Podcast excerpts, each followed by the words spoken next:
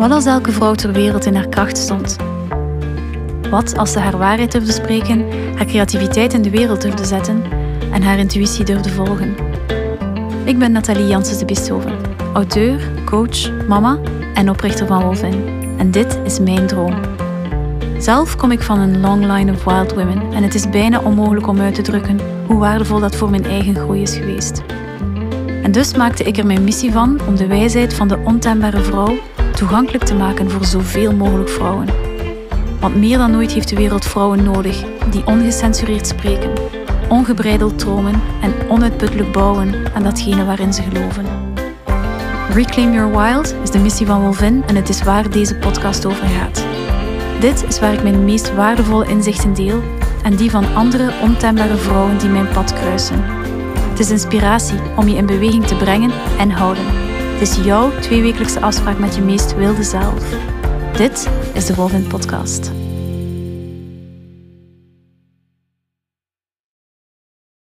Hallo en welkom bij de Wolvin Podcast, jouw tweewekelijkse afspraak met de ontembare vrouw.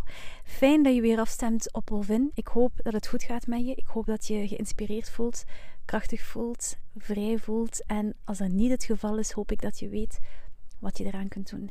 Ik ben mega excited voor de aflevering van vandaag. Uh, die gaat over Blauwbaard. En Blauwbaard is waarschijnlijk um, het eerste verhaal dat ik zelf gelezen heb in De Ontembare Vrouw. Dat was een ongelooflijk belangrijk verhaal. Uh, en vooral de moraal van het verhaal was super belangrijk voor mij toen om te gaan begrijpen. Heeft mij ook heel erg geholpen op een bepaald punt in mijn leven. Verder in de aflevering zal je wel begrijpen waarom. Maar Blauwbaard, denk ik, is een van die absolute must-reads uh, of must-knows uit de ontembare vrouw. Daar staat boordevol echt basisinformatie voor elke vrouw die, die meer on, ongetemd in het leven wil gaan staan. Dus, um, dus ik ben super blij dat we, dat we het er vandaag kunnen over hebben. Het is een, een aflevering die ik eigenlijk ook al heel lang wil gaan maken, die al heel lang op mijn lijstje staat van afleveringen die ik wil gaan maken. Het is wellicht een van de verhalen die ik ook het vaakste deel in mijn praktijk, net omdat de symboliek, de lessen eruit zo belangrijk zijn. Het is een verhaal over de innerlijke roofvijand. Uh, de innerlijke en de uiterlijke roofvijand, hè, maar over de psychische roofvijand. Uh, en de rest zal je verder in de aflevering wel ontdekken. Kleine side note: ik zit uh, zoals altijd in mijn wagen, niet aan het rijden, uiteraard. Maar naast mij zit mijn jongste zoon, want het is paasvakantie. Dus ik sluit niet uit dat je misschien af en toe wat achtergrondgeluid hoort. In grote lijnen gaat het verhaal van Blauwbaard als volgt.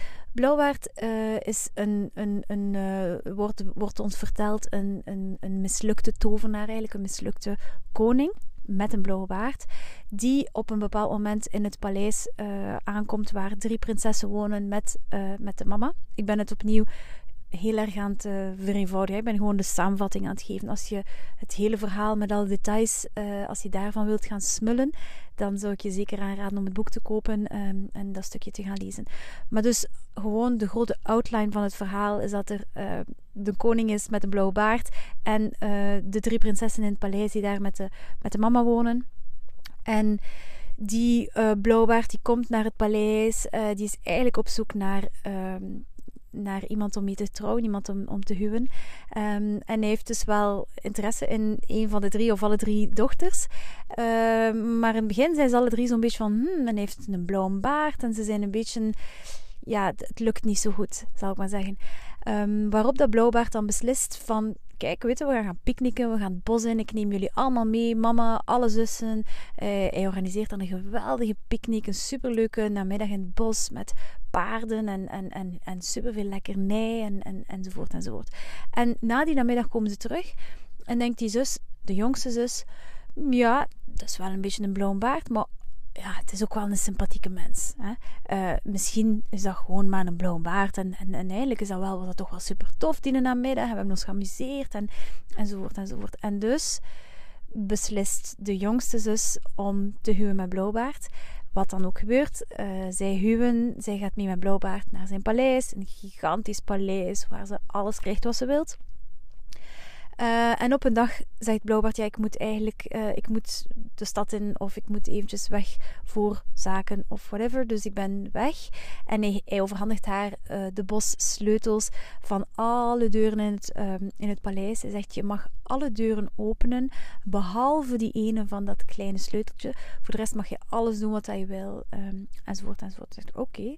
Dus Blauwbaard is weg en um, de jongste zus, die amuseert daar een beetje, die hangt daar wat rond in het paleis. Maar ineens begint dat toch wel te jeuken. Zo die kleinste sleutel zegt, hm, ben ik toch wel benieuwd wat dat dan is en dat ik dat niet mag bekijken enzovoort. Dus ze gaat met dat kleinste sleuteltje zo wat onderweg op zoek in het paleis naar op welke deur uh, dat het past. Um, en dan vindt ze uh, de deur waarop het past. Ze doet de deur open en ze komt in een uh, kamer vol vrouwenlijken die uh, ja, helemaal bebloed uh, en dood uiteraard. En vrouwenkarkassen die daar liggen. Dus ze verschiet uh, haar ongeluk. Ze trekt de deur snel terug toe. Maar wat gebeurt er is, die sleutel begint te bloeden, bloeden, bloeden, bloeden, bloeden. Um, en dus um, ja, Blauwbaard die, is daarvan op de hoogte als hij terugkomt. Uh, hij zegt, wat is er gebeurd? En je hebt, de, je hebt die deur open gedaan. Hij wordt heel kwaad uiteraard. En zegt, jij bent de volgende. Uh, en net op het moment dat hij haar eigenlijk wil gaan vermoorden, vraagt ze nog eventjes, mag ik alsjeblieft nog een gebedje doen? En, en, enzovoort. Ze, um, ze roept of ze, ze zendt een boodschap uit naar haar broers die haar dan komen redden, blauwbaard worden en zo wordt ze gered. Ik heb dit laatste stukje een beetje een versnelling gedaan, omdat, omdat we die stukjes van de symboliek wat minder gaan bekijken in het verhaal nu. En het is een verhaal, zoals ik heb gezegd, dat uh, vol zit van de symboliek. Dus, dus we kunnen zeker niet alles er, eruit halen. Maar, en daarom de stukjes die op het einde zitten, gaan we minder bekijken vandaag. Daarom dat ik door, door het einde een beetje gefietst ben. Maar het komt erop neer dat de zus wordt gered en dat blauwbaard wordt gedood. Dus dat is het verhaal een eerste, een eerste stukje of een eerste aspect aan het verhaal dat ik eventjes wil gaan vastnemen, is de jongste dochter. Het is niet toevallig de jongste dochter die beslist om met, de, om met Blauwbaard te trouwen. De jongste dochter die staat symbool voor de ongeïnitieerde vrouw, de onervaren vrouw. Dus wat moeten we... Initiatie is zo'n um, een, een heel Jungiaanse term. Uh, een, een, woord dat heel vaak gebruikt wordt in Jungiaanse context. En initiatie, dat staat eigenlijk... Enfin, ik ga het in mijn eigen woorden vertellen. En mensen die, die, die misschien echt wel de, uh, de terminologie van Jung heel goed kennen, zullen dat misschien geen juiste definitie vinden.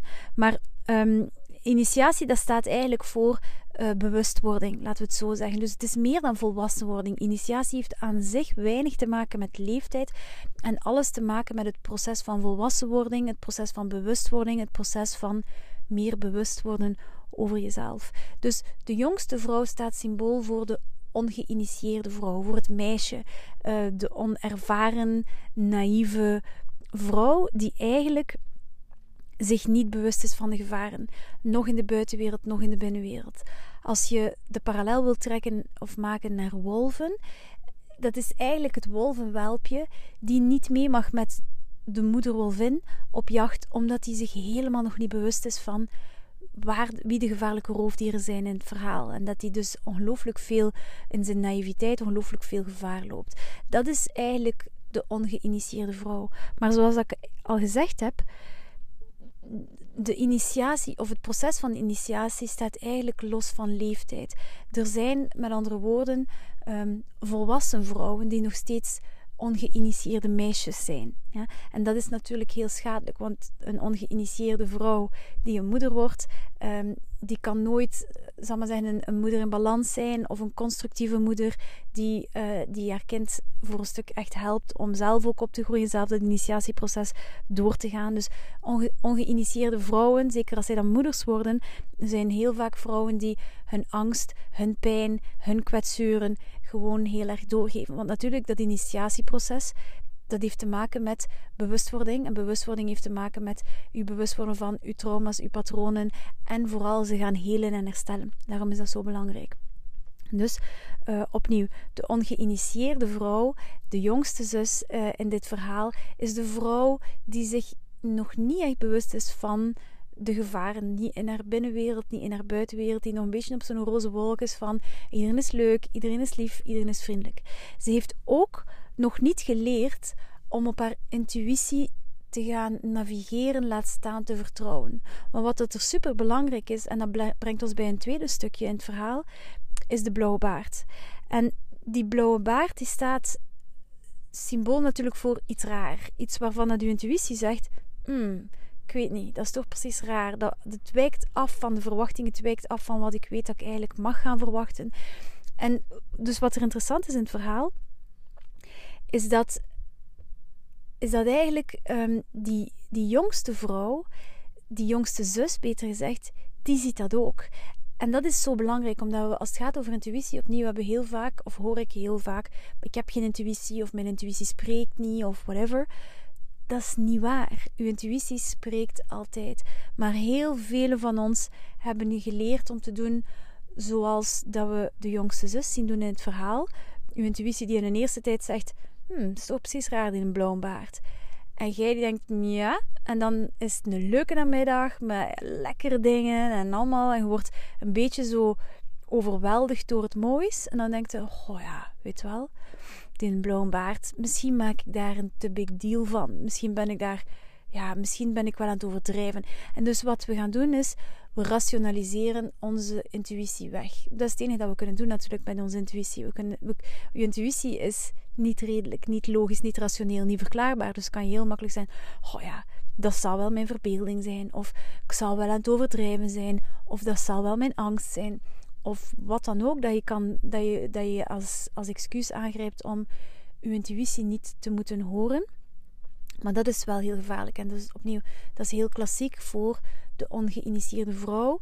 Een van de, kern, de, de belangrijkste kenmerken bij de ongeïnitieerde vrouw is dat zij dus niet vertrouwt op haar intuïtie, niet kan navigeren op haar intuïtie. En dat is natuurlijk waarom dat ze zoveel gevaar loopt. Dat is wat haar zo kwetsbaar maakt, omdat ze haar intuïtie, die nog steeds wel spreekt, altijd wegzet als iets irrationeels, iets onlogisch, iets van haar fantasie waar dat ze eigenlijk geen rekening moet mee gaan houden. In al die jaren dat ik vrouwen begeleid, stel ik vast dat er twee zaken zijn die hen ervan weerhouden om het leven of het project vorm te geven waarvan ze dromen. Gebrek aan tijd en gebrek aan zelfvertrouwen. Daarom heb ik twee webinars ontwikkeld in juni en juli over deze twee onderwerpen. Reclaim Your Time en Reclaim Your Confidence. Het wordt tweemaal een bootcamp vol praktische tools om zowel je time management skills als je zelfvertrouwen te boosten, zodat jij jouw volste en krachtigste leven kunt gaan leiden. En dat alles voor slechts 35 euro per webinar. Met daarbij een week lang gratis toegang tot de replay van de sessie en de mogelijkheid om achteraf nog vragen te stellen. Daarvoor kun je toch echt niet sukkelen. Surf snel naar de eventpagina van wolvin.be en meld je vandaag nog aan. Hierover schrijft Clarissa Pinkola-Estes in haar boek uh, het volgende. De bereidwilligheid om met het monster te trouwen wordt in feite al bepaald wanneer het meisje heel jong is, doorgaans voor het vijfde levensjaar. Ze heeft niet geleerd om te zien. In plaats daarvan heeft ze geleerd om allerlei groteske zaken mooi te maken, of ze nu aantrekkelijk zijn of niet. Door deze oefening kan het jongste zusje zeggen: Hmm, zijn baard is eigenlijk niet zo blauw. Deze vroege oefening om aardig te zijn leidt ertoe dat vrouwen hun intuïties terzijde schuiven.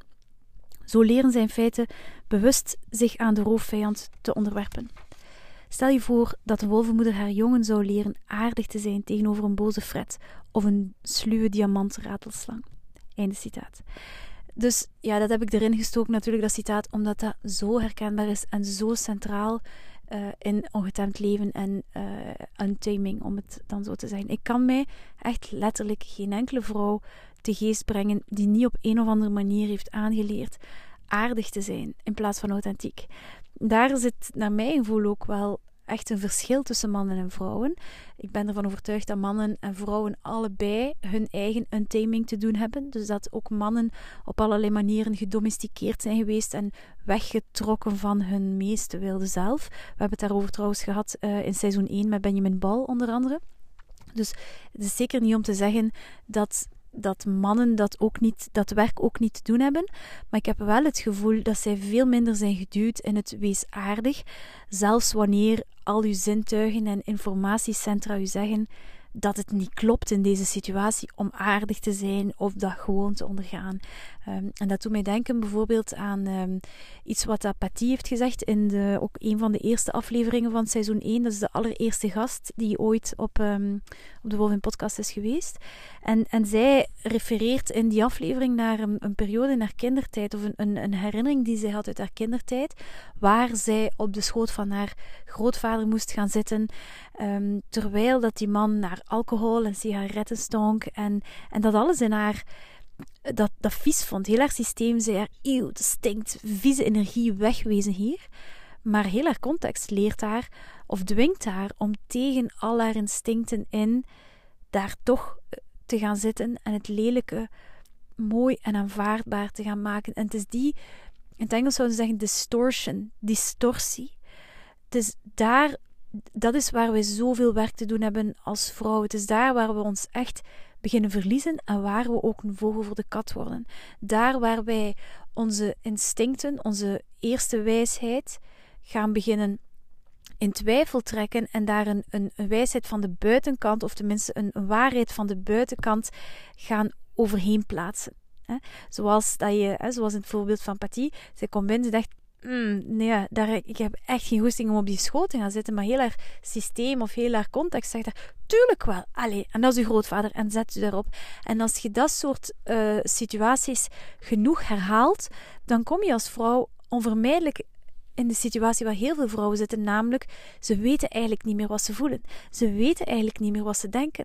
Ze weten eigenlijk niet meer wat hun waarheid is, omdat ze systematisch, stelselmatig hebben aangeleerd um, of beter gezegd hebben afgeleerd om te voelen, om hun gevoelens, hun intuïtie, hun intuitive hits, hè, intuïtieve hits, om die serieus te nemen. En in tegenstelling daartoe, of in de plaats daarvan, hebben ze geleerd om wat de context hen vertelt dat waar is, om dat dan als waarheid aan te nemen. Zelfs al gaat dat of druist het helemaal in tegen hun eigen waarheid. En opnieuw, het is daar waar dat we waar dat we absoluut moeten groeien. We moeten echt leren om ons, ons eigen weten niet langer te ondermijnen. Het is heel veel van het werk wat ik met vrouwen in de praktijk doe, is om hen te helpen herinneren, you know. We hebben elk van ons, we zijn elk van ons uitgerust met een intuïtief systeem, met een dieper weten, met een emotioneel systeem, die, die onze omgeving heel goed kan scannen. We hebben ook elk van ons ehm, een inner guide, zoals dat ik bijvoorbeeld waar ik over gesproken heb in aflevering 2 over Street Smarts. We hebben allemaal een higher self, een inner guide, noem het zoals je wilt. Dus wij hebben elk ons eigen kompas, elk ons eigen navigatiesysteem, die, die, heel, die ons heel precies kan helpen om te zeggen: hier moeten blijven, hier moeten weggaan, dit is veilig, dit is niet veilig, dat is hier toxisch, dat is niet uw plek om te zijn. Dus het probleem is niet dat we dat niet hebben. Maar het probleem is wel, en zeker in het Westen, dat we op een gigantische schaal hebben afgeleerd om daarnaar te luisteren, om daarop te gaan navigeren. En dus dat is opnieuw heel veel van het werk dat ik doe in de praktijk, heel veel van het werk dat ik ook voor mezelf heb moeten doen. Daarom opnieuw dat dat boek voor mij zo'n belangrijk boek is geweest, omdat dat heel erg heeft geholpen om, om opnieuw te kunnen luisteren en verbinden naar mijn intuïtie en mijn, mijn inner knowing. Maar dus opnieuw, dat, dat is echt wel de grote, een van de grote, het, grote werk voor ons vrouwen, is om onze intuïtie, on, ons emotioneel guidance system echt wel terug au serieus te leren nemen, om daar te durven op te vertrouwen en daar volgens te durven navigeren. En daarin is het natuurlijk ook een kwestie van hoe meer dat je doet, hoe meer ervaren dat je wordt. Dus dat zal met de bluts en de buil gaan. Iedereen maak daar fouten in. Zoals ik al regelmatig in de podcast heb gezegd, zeker in het begin, het is niet zo evident om het onderscheid te maken, bijvoorbeeld tussen de stem van angst en de stem van uw intuïtie.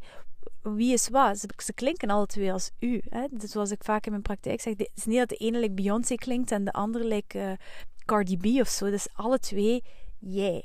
Dus het vraagt echt wel uh, training, practice, oefening, ervaring. En hoe meer dat je het gaat doen, hoe scherper dat je ineens gaat worden in ah ja, yes, dat is een ja, dat is een nee. Dat is hoe dat zich dat voor mij bijvoorbeeld aandient. Als ik het op mezelf zou moeten betrekken, een ja voor mij, dan voel ik heel mijn systeem opengaan. Dan voel ik zo energie rond en in mij heen stromen. En dan voel ik heel mijn, mijn zijn die zich klaarzet om te gaan. Een nee voor mij, dat voelt aan als soort van verkrampen, een soort in elkaar trekken. Eh, dan is er vaak heel veel vertwijfeling, is het vaak niet helder. Ehm, maar opnieuw, dat is voor iedereen natuurlijk wel een beetje anders. En dat is de weg die wij allemaal hebben te gaan, is om te leren veel meer navigeren op het kompas van onze intuïtie. En dat is uh, een pad van vallen en opstaan.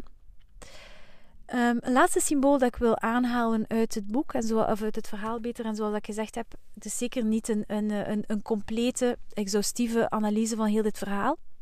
Um, maar ik wil nog eventjes stilstaan bij het, het, van de roofvijand, hè, van, van Blauwbaard. Blauwbaard wordt in dit verhaal ge, um, geportretteerd als een externe vijand. Hè? En dat is zeker niet onterecht. Dus wat ik wil zeggen is, er zijn ook externe roofvijanden. Heel concreet, er zijn ook mannen bijvoorbeeld die het niet goed voor hebben met ons. Die eigenlijk het niet goed voor hebben met de vrouw. Of tenminste het op dat moment niet goed voor hebben met een vrouw. Hè? Niet per se. Ik geloof heel erg in het groeipotentieel van elke mens. Hè? Dus het is niet omdat een man op een bepaald punt in zijn leven met een bepaalde vrouw um, zich gedraagt als een roofvijand, dat hij in die categorie hoort te blijven staan. Maar um, er zijn dus zeker wel mannen die op bepaalde momenten en in bepaalde contexten het niet goed voor hebben met ons. En ook daar opnieuw kom je bij de ongeïnitieerde vrouw die dat niet kan doorzien. Die een man, zal ik maar zeggen, met praatjes niet kan doorzien voor een man met praatjes, omdat ze opnieuw niet heel haar intuïtief systeem kan meepakken. Die zegt, hij zegt u A, maar heel uw energieveld voelt B. Heel uw energieveld voelt get away from there. Ook al zijn alle woorden die eruit komen lief en politiek correct. En dat is precies dat hij in de flair heeft gelezen, want die vertelt alles wat ik moet horen. Dan moet ik ook altijd denken aan um, opnieuw het gesprek met uh, Benjamin Balk. Ik zal er naartoe uh, linken in de, in de show notes. Trouwens, zoals dat jullie weten, um, in seizoen 2 typ ik alle show notes helemaal uit. Dus je kunt alles, alles wat ik vind terugvinden op de website www.wilvin.be. Alle links naar alles wat ik vermeld kan je gewoon heel makkelijk in de show notes terugvinden. Dus ook de aflevering met, um, met Benjamin Bal. En daarin vroeg ik hem op het einde van, mocht je een dochter hebben, wat zou jouw advies zijn aan haar? En, en hij zei, don't pick the nice guy. En eigenlijk alludeert hij een beetje hierop.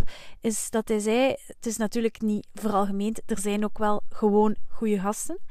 Maar heel vaak zijn de mannen die heel erg gelekt of heel vriendelijk of heel perfect of heel politiek correct voorkomen, um, zijn het vaak tussen aanhalingstekens blauwbaarden. En hoe dat hij het zegt, dat ik moet parafraseren, ik weet het niet meer letterlijk, maar het kwam erop neer van je ziet die mannen dan bijvoorbeeld in interacties gaan met vrouwen of met hun vrouw of hun partner. En dan heb je die anders apart uh, later op de avond of op een andere dag gewoon met zijn vrienden op café. En soort praat dat er dan uitkomt, is gewoon niet te vergelijken. En dus daarover gaat het. Dat soort mannen die niet coherent zijn, die, waar discrepant is tussen, die zich gewoon voorstellen als um, een hele goede partner of een hele liefdevolle, respectvolle man, maar eigenlijk in de kern dat helemaal niet zijn en er gewoon op uit zijn om een vrouw te vangen, net zoals Blauwbaard, om haar dan gevangen te zetten uh, in zijn kasteel. Hè. Um, dus het is ook zo dat de roofvijand zich gewoon soms in de buitenwereld bevindt, zoals bij mannen. Maar dat kan ook gaan per extensie over elk soort persoon uh, of zelfs elk soort situatie die een vrouw reduceert tot een object ten dienste van de ander, zonder fundamenteel respect of ruimte voor haar persoon en wensen. Dus dat kan bijvoorbeeld ook gaan over een job die uh, het eigenlijk niet goed voor heeft met, met die vrouw of die een toxische context is. Dat, gaat, dat kan ook gaan over een familielid die um, op die manier met een vrouw omgaan. Dat kan ook gaan over vriendschappen. Hè. Um, dus dus in, in, bij de roofvijand heb je zeker altijd een zekere mate van, van gebruik en misbruik van de vrouw, zonder oog voor haar persoon, haar waarden en haar behoeftes. Hè. En zoals dat je ook in, in het verhaal van Blauwbaard hier ziet, merk je dat de ongeïnitieerde vrouw gelokt wordt door, zoals ik in, in aflevering 2 uh, eh, over Street Smarts um, heb ge, gesproken of, of heb vernoemd, verwezen naar de shiny object. Dus oorspronkelijk zegt de jongste dochter: mm, die blauwbaard, dat is toch iets raars. Maar dan wordt er een picknick en een tof moment. En er wordt dus met andere woorden een shiny object voor haar neus gehangen. En plots zegt ze: Oh ja, eigenlijk, misschien is het niet erg. Opnieuw. En daar heb je dus het onderscheid tussen een geïnitieerde vrouw en een ongeïnitieerde vrouw. Die, waar dus de, de ongeïnitieerde vrouw echt wel veel vatbaarder is voor uh, de trucken van de roofvijand.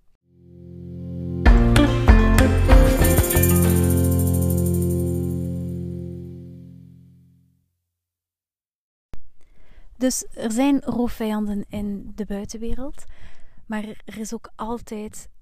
Um, de roofvijand is ook altijd een innerlijk complex. En zoals uh, Clarissa Pinkola Estes het zelf, zelf noemt, de aangeboren psychische roofvijand. En net daarom hè, aangeboren. Het is een stuk dat wij allemaal hebben. Wij hebben allemaal in onze psyche aspecten die het niet goed met ons voor hebben. Het meest voor de hand liggende daarvan is wat uh, in spirituele termen dan het ego wordt genoemd. Al, dat heb ik ook al een paar keer gezegd, denk ik, in de podcast, is dat een beetje een moeilijk woord, semantisch gesproken. In bepaalde contexten wordt er gesproken over het ego als um, heb je een positief ego en een negatief ego. Dus is het niet, eh, niet overal uitsluitend een destructief gegeven. Hè, maar de manier waarop ik het ego gebruik is in de context van A Course in Miracles, een cursus in wonderen, waar het ego eigenlijk staat voor de angststem in ons. En dus voor dat stuk in onze psyche die het eigenlijk niet goed voor heeft met ons. Marion Williamson zegt altijd over het ego dat het jezelf, um, jezelf haat is die zich voorstelt als jezelfliefde. Het is jezelf haat die zich voorstelt als jezelfliefde. Dus dat stuk in u die zegt. Um, uh, ik zou hem toch maar niet vertrouwen, zo, want dat is, dat is eigenlijk toch maar een beetje uh, opnieuw. En daar is het weer moeilijk soms het onderscheid tussen intuïtie en angst. Hè. Um, Terwijl dat het eigenlijk, terwijl die persoon het misschien wel net heel goed voor heeft met jou. Dus, dus, dus u, daar, daar is wat, wat uh, Marion Williamson ook altijd uitlegt. Dat is zo moeilijk aan het ego. Is, het komt zich niet voorstellen als: ik ga hier een keer uw leven geweldig verkakken. Weet wel? Nee, uw ego stelt zich voor als: als je met mij meewandelt, ik ga je beschermen, ik ga zorgen dat je succesvol wordt, enzovoort, enzovoort. En we wandelen erin mee. En dan op het einde van de rit denken we: maar dat was precies toch niet zo geweldig. Hetzelfde zoals Blauwbaard. Blauwbaard stelt zich niet voor als een moordenaar van vrouwen. Die stelt zich voor als iemand die het heel goed voor heeft met vrouwen. En die vrouw heel graag ziet. En die zo draait voor vrouwen. En die meepakt op de picknick. En die zelfs de moeder meepakt. Enzovoort, enzovoort. Dus dus ook in onze innerlijke wereld uh, zitten entiteiten die het niet goed voor hebben met ons. En het ego is er daar één van. Uh, er wordt soms gesproken over de innerlijke criticus, uh, het archetype van de saboteur. Dus er zijn heel veel verschillende benamingen. Sommige, sommige categoriseren alles onder een soort van één entiteit, andere maken er verschillende entiteiten van.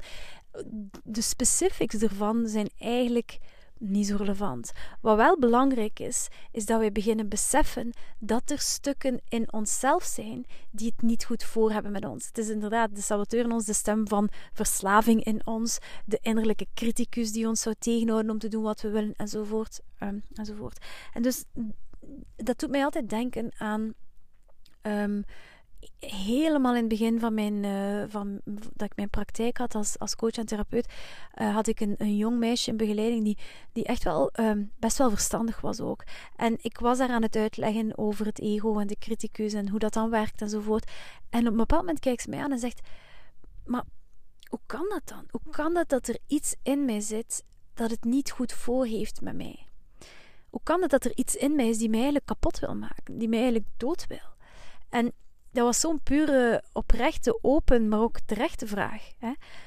Dat is niet echt logisch, of dat is moeilijk logisch te verklaren. Maar het is wel zo en het maakt deel uit van ons initiatieproces, van ons volwassenwordingsproces, van ons bewustwordingsproces. Dat we gaan begrijpen dat er stukken in onze binnenwereld, net zoals in onze buitenwereld, zitten die niet uh, welwillend zijn, die niet in het Engels zeggen benevolent zijn, die in tegendeel het slecht voor hebben met ons. En dat maakt, dat maakt ons weerbaar als we dat beginnen begrijpen. Um, en dus ook opnieuw daar, als je kijkt bijvoorbeeld in de natuur, dan merk je heel goed dat leven en dood, zomer en winter, licht en duisternis, beide maken deel uit van de natuur. Het is een beetje onze westerse maatschappij, onder andere ook, die ons zou doen geloven, uh, of, of die ons wil doen geloven, dat, er, dat als we heel erg ons best doen, dat ons leven alleen maar zomer is, alleen maar zonlicht is, alleen maar positieve dingen is, alleen maar liefde. En ook daar weer, dat is een gevaarlijk standpunt. Dat is echt het standpunt van de ongeïnitieerde vrouw. Het is allemaal puppies en rainbows. dat is nu eenmaal niet zo. En dat hebben wij, in, in het Engels zouden ze zeggen, you have, come, you have got to come to terms with that. We hebben dat te aanvaarden, we hebben dat te leren begrijpen, we hebben daarmee te leren werken. Carolyn Miss zegt altijd: um, Je kan niet geloven in de kracht van licht en liefde zonder op zijn minst een tegenpool, angst en duisternis en het kwaad te erkennen. En zij spreekt heel vaak daarover dat wij inderdaad in het Westen heel erg bezig zijn met liefde en licht en engelen en al die dingen. En dat is waar en dat is goed, maar dat we krampachtig wegblijven van evil, van duisternis. Dat we eigenlijk bijna doen alsof dat, dat niet bestaat. En dat maakt ons net zo kwetsbaar. Dat maakt ons zo, uh, opnieuw net zo, dat maakt ons heel makkelijke prooien. En dat maakt ons net zo kwetsbaar als de ongeïnitieerde jongste zus. Clarissa Nicolai Stes uh, stelt het zelf ook uh, als volgt in haar boek. Zowel binnen als buiten je is een kracht die in strijd met de instincten van het natuurlijke zelf zal handelen. Deze boosaardige kracht is wat hij is. Iedereen moet leren dat er roofzuchtige wezens bestaan. Zonder dit inzicht kan een vrouw niet veilig in haar eigen bos rondlopen zonder te worden verslonden. De roofvijand begrijpen is een volwassen dier worden dat niet kwetsbaar is door naïviteit, onervarenheid of dwaasheid. Dus daarover, daarover gaat het. Dat is echt wel voor een stuk ook de kern van de boodschap van dit verhaal. Is dat we echt begrijpen, aanvaarden dat, dat er kwaadaardige entiteiten zijn, zowel in de buitenwereld als in de binnenwereld. Dat we ons daartegen leren wapenen. En ook dat ene zinnetje, dat vind ik superkrachtig. Deze boosaardige kracht is wat hij is. Want dat is iets anders wat dat wij vrouwen, zeker als we niet echt geïnitieerd zijn, gaan doen. Zouden denken, ja, maar ja, als, als ik hem maar graag genoeg zie en als ik maar hard genoeg mijn best doe, dan kan ik hem misschien veranderen. Of dan kan het misschien beter worden.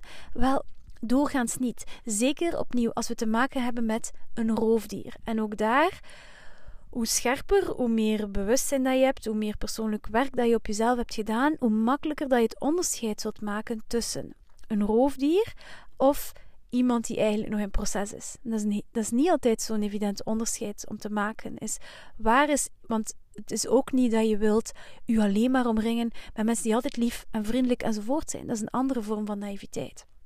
Maar waar is iemand zijn, zal maar zeggen, niet liefdevol gedrag echt een verlengstuk van een destructieve kwaadaardigheid uh, in hem of haar? En waar is het gewoon een plek waar hij of zij gekwetst is en waar dat jij uh, in zijn leven of haar leven komt om die plaats te helpen helen? En dus daar, ook daar weer opnieuw, daar gaat het over persoonlijke groei, werken op jezelf, werken met een therapeut, werken met een coach, werken met mentors om jou te helpen ik merk voor mezelf, ik ben zeker nog niet helemaal daar, maar als ik mezelf vergelijk met tien jaar geleden, ben ik veel scherper, intuïtief, om, uh, om heel goed aan te voelen wie heb ik voor mij. En dus het is zeker niet alleen maar mensen die tussen perfect zijn of liefdevol of altijd politiek correct, die ik dan als uh, de goede tussen aanhalingstekens zal gaan zien. En omgekeerd mensen die soms het een keer, die een keer over de schreef gaan of die het soms een keer op een manier brengen die misschien wat lomp of kwetsend kan zijn, zijn niet per se allemaal roofvijanden. Dus dat is echt wel iets waar je uh, praktijkervaring moet in opdoen en waarin opnieuw het helpend kan zijn om wat gidsen te hebben, een coach, een therapeut, um, een ongetemde vrouw uit je familie of de mentor, om u daarin te helpen dat, uh, dat, dat informatiesysteem dat wij hebben, om dat goed scherp te kunnen stellen. En dus dat is uiteraard wat de ongeïnitieerde vrouw niet doet, niet heeft. Hè. Zij leeft in een wereld waar het allemaal puppies en rainbows is. Of op zijn minst, dat is wat ze zich vertelt. Hè. Het is het meisje die zichzelf vertelt um, dat een huwelijk alleen maar liefde en zachtheid en harmonie is. Hè? Of omgekeerd, die, de vrouw die, haar, die zichzelf vertelt dat haar agressieve man, dat dat type van binnen wel iemand is die het goed bedoelt met haar. En dat het eigenlijk toch misschien allemaal zo erg niet is en dat dat morgen wel allemaal beter zal gaan. Um, het is de vrouw die denkt dat werk alleen maar het ontplooien van uw talenten is in een context waar iedereen ondersteunend is van u en iedereen u succes gunt. Of de vrouw hè, die, die zichzelf vertelt dat omdat zij het met iemand slecht voor heeft, dat iedereen het toch goed moet voor hebben met haar. Het is, het is, het is de moeder die gelooft dat ze haar welpen kan grootbrengen puur op zachtheid en complimenten. Dat zijn een aantal van die hele, zeggen, naïeve um, naïeve overtuigingen die ik al een aantal keer in mijn praktijk ook heb gezien, waar je heel goed kan voelen van oké, we hebben hier te maken met iemand die niet de nuance of de scherpheid heeft van hoe de wereld echt, echt in elkaar zit. En, en daarover gaat het initiatieproces voor een stukje. Het gaat over, en we gaan er zeker nog op terugkomen in de, in de podcast, maar het gaat voor een stuk over onjuiste idealismen loslaten. En om meer in de, in de paradox te kunnen gaan staan, waar dat je het mooie, kan, het mooie en het lelijke kunt verenigen, kunt aankijken, kunt dragen, kunt verdragen. En dat je opnieuw heel scherp wordt, heel volwassen wordt, heel ervaren wordt in waar is het, waar is het lelijke een stuk van het groteske en het roofdierzuchtige? Waar is het een stuk van iemand anders zijn groeiproces? Bijvoorbeeld. Zoals altijd ga ik jullie laten met een aantal vragen of bedenkingen waar dat je nog eventjes kunt bij stilstaan na deze aflevering. Zoals altijd ga ik je ook heel erg aanmoedigen om dat te doen. Uh, zoals ik al gezegd heb, knowledge is not power. Dingen gewoon weten, dingen gewoon horen, gaat niks veranderen. Dus ik hoop echt dat je uit de afleveringen die je luistert, dat je daar voor jezelf de afspraak maakt van oké, ik wil minstens één ding gaan doen. Eén actie, echt een aflevering elke keer opvolgen met één concrete actie, zodanig dat je dingen in beweging begint te brengen. Alright? En misschien dat deze vragen uh, op zijn minst een, een, een, ingang kunnen geven naar welk soort acties dat je dan zou kunnen gaan, gaan nemen. Eerst en vooral, op welke manier heeft de, de roofvijand zich in jouw leven al gemanifesteerd? Was het dan een innerlijke roofvijand? Uiteraard, hè, die heb je. Maar bedoel, ben je die ook al heel, heel uh, ostentatief tegengekomen? Uh, heb je er al, ben je er al tegengekomen in, de buitenwereld? Zijn er nog in de buitenwereld? Dus waar ben jij de roofvijand van binnen en van buiten allemaal tegengekomen? Heb je dat doorzien op het moment zelf? Wat heb je er toen ook mee gedaan? En dan, op welke manier heb jij geleerd om aardig zijn boven authentiek zijn te plaatsen? Um, wie heeft je dat getoond of waar heb je dat geleerd? Op welke manier? Welke ervaringen komen daarbij op? Waar, heb je dat heel, wat, zijn de dingen die je daar rond heel concreet herinnert? Ehm, welke schade heeft dat in jouw leven al berokkend? Dus welke schade heeft het jou al berokkend om aardig zijn boven authentiek zijn te plaatsen? Heeft het jou bijvoorbeeld al gekost om te lang in een relatie te blijven of om te lang in een job te blijven die eigenlijk uh, destructief is voor jou?